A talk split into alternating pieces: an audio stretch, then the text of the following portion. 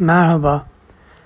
Kaybolan değerleri buram buram barındıran Bize Ait Bir Dünya adlı podcast kanalına hoş geldiniz. Bu hafta Ümit Yaşar Oğuzcan'ın Sahibini Arayan Mektuplar adlı mektup silsilesinin 17.si bizlerle. Bu mektup serisi 25 mektuptan oluşuyor. Bu da demek oluyor ki yolculuğumuz kısa bir süre sonra sonlanacak ve başka bir sezonda başka bir hikayeyle karşınızda olacağım. Evet 17. mektuba başlıyorum. Soruyorum susuyorsun. Ben sükutun bu kadar anlamlı olduğunu bilmezdim. Bütün sorularımın cevabını bir bakışla veriyorsun. Kah bir gülüşle. Zaman zaman gözlerinin içinde eriyip kaybolduğumu hissediyorum. Yanımda olmadığın günler geleceğin günü hazırlıyor beni. Yokluğuna böyle dayanabiliyorum. Karanlıklar içinde her dakika gözlerinin aydınlık bakışlarıyla doluyor içim. Aradığım her şey orada. Cevapsız kalmış bütün soruları gün ışığına çıkarıyor gözlerin. Bekliyorum geliyorsun. İşte diyorum yaşamak bu. Sevmek seni sevmekten başka bir şey değil. Hiç kimseyi bu kadar özlemle beklemedim.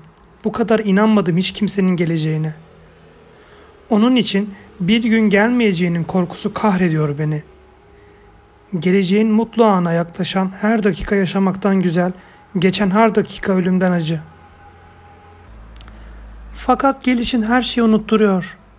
Sıkıntılı öğle sonları günün en yaşanmaya değer saatleri oluyor sen gelince. Kızgın bir güneş altında bana karlı dağ yamaçlarının serinliğini getiriyor ellerin. İstiyorum veriyorsun. Verdiklerin bir bakıma iflası oluyor saadet anlayışımın. Böylesine büyük nazların hayal bile edilemediği bir dünya üzerinde özlenecek başka saadetin kalmadığını düşünüyorum. O zaman her şey siliniyor gözlerimden. Sensiz bir yarının değersizliğini, çekilmezliğini daha iyi anlıyorum. Huzur seninle kayboluyor. Bütün sevinçler seninle gidiyor. Sensiz bir kanlı gömlek gibi giyiyorum üzerime yaşamayı. Çaresizlik hiçbir zaman sen yanımda olduğun anlardaki kadar kötü ve merhametsiz olmuyor. Yine de her öpüşümde bana ilahları has bir güç, bir büyük huzur veriyor dudakların. Ağlıyorum gidiyorsun.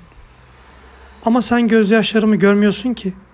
Ayrıldığımız yerde başlıyor yıkıntım. Kalabalık bir caddede, vapur iskelesinde ya da bir kapı önünde nerede olursa olsun ayrılığım bir tokat gibi iniyor yüzüme. Kocaman sivri bıçaklar gibi delik deşik ediyor vücudumu.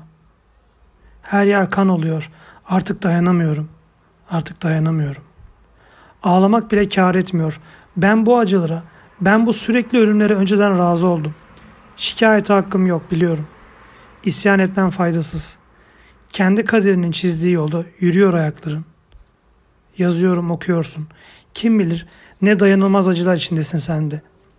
Nasıl her yerini orada bir sigara söndürülmüşçesine yakan özlemler içindesin. Mümkün olsa hep yanında kalırdım diyorsun.